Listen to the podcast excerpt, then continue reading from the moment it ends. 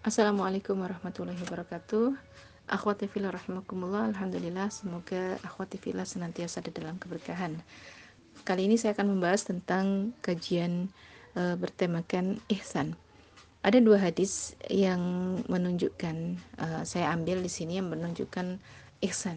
Yang dimaksud di dalam hadis yang pertama, innallaha katabal ihsana ala kulli syai'in dan ada kelanjutannya karena berkaitan hadis ini sebenarnya berkaitan dengan jika membunuh maka bunuhlah dengan cara yang baik. Jika menyembelih maka dengan cara yang baik pula. Tapi saya akan mengambil kalimat utamanya innallaha katabal insana ala kulli syai'in.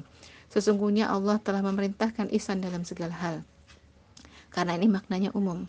Kemudian hadis yang kedua hadis yang pertama tadi hadis riwayat muslim. Hadis yang kedua hadis riwayat Bukhari dan Muslim.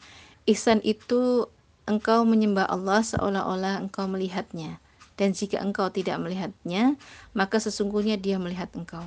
Jadi ibadah yang ihsan di sini seperti ibadah kita melihat langsung melihat Allah.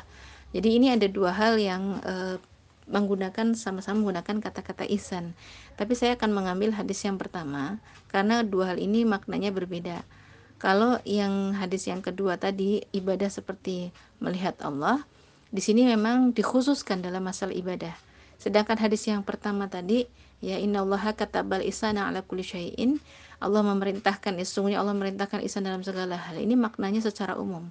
Jadi Allah memerintahkan kita untuk melakukan ihsan dalam segala hal.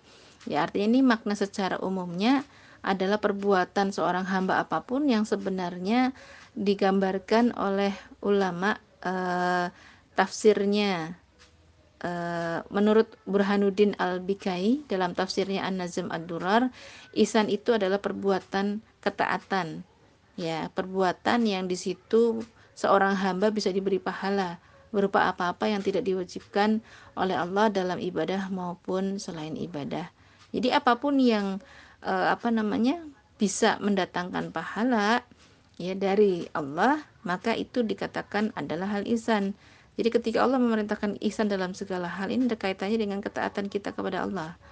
Jadi taat itu kan memiliki profil yang paling tinggi ya bagi seorang muslim. Jadi perintah hadis ini agar kita memang melakukan ketaatan dalam segala hal ini sesempurna mungkin kita bisa menjalani kehidupan dengan ketaatan baik dari sisi kuantitas, kualitas maupun tata caranya nanti. Jadi bukan hanya sekedar mencukupkan pada perkara wajib saja, tapi pada perkara kualitasnya bagaimana, kuantitasnya, tata caranya, semua itu perkara yang perlu diperhatikan. Ihsan atau tidak, membawa pahala atau tidak. Ya kan, kayak seperti orang sholat kan tidak hanya sekedar melakukan waqi musolah menegakkan sholat saja selesai. Kan nggak tetap diperhatikan. Auratnya sampai terbuka tidak.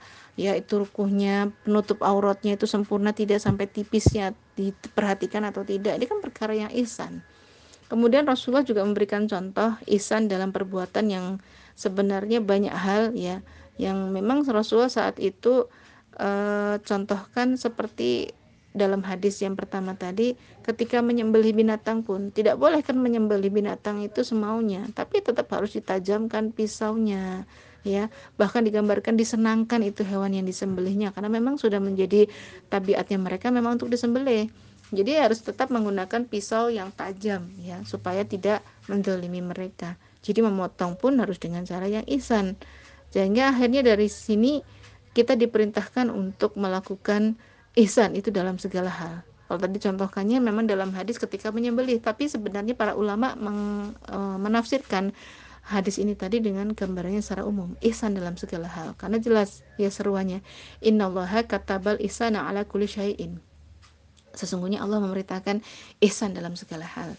Jadi perlakukan kita uh, perlakuan kita kepada saudara-saudara kita perlakukan dengan cara ihsan. Kita berlaku kepada orang lain perlakukan dengan cara ihsan. Dengan binatang kita berlakulah secara ihsan. Akan ini berlaku umum. Sehingga hadis ini memerintahkan kepada kita itu untuk melakukan ketaatan dengan kadar, ukuran, kuantitas, kualitas, tata cara dari sisi apa pun ya, dari sisi fisik, emosi, ekspresi kita, cara kita menyampaikan lisan dan sebagainya itu dengan cara yang paling baik dan juga sempurna. Kita berharap semoga kita bisa menjadi orang-orang yang senantiasa ihsan dalam perbuatan dan sikap-sikap kita dalam tutur kata kita. Bahkan memberikan pandangan kepada orang lain pun juga berikan pandangan yang paling ihsan dalam diri kita. Masya Allah. Jadi akhlak yang baik, berbuat ihsan itu bukan sebuah pencitraan, tapi karena memang semata-mata kita melakukannya karena semata-mata karena Allah. Kita merindukan surga, kita semata-mata melakukannya karena kita berharap semoga kita senantiasa termasuk orang-orang yang ahli surga. Allahumma ja'alna minal musinin. Semoga Allah menjadikan kita bagian dari orang-orang yang senantiasa berbuat ihsan. Amin amin ya rabbal alamin. Assalamualaikum warahmatullahi wabarakatuh.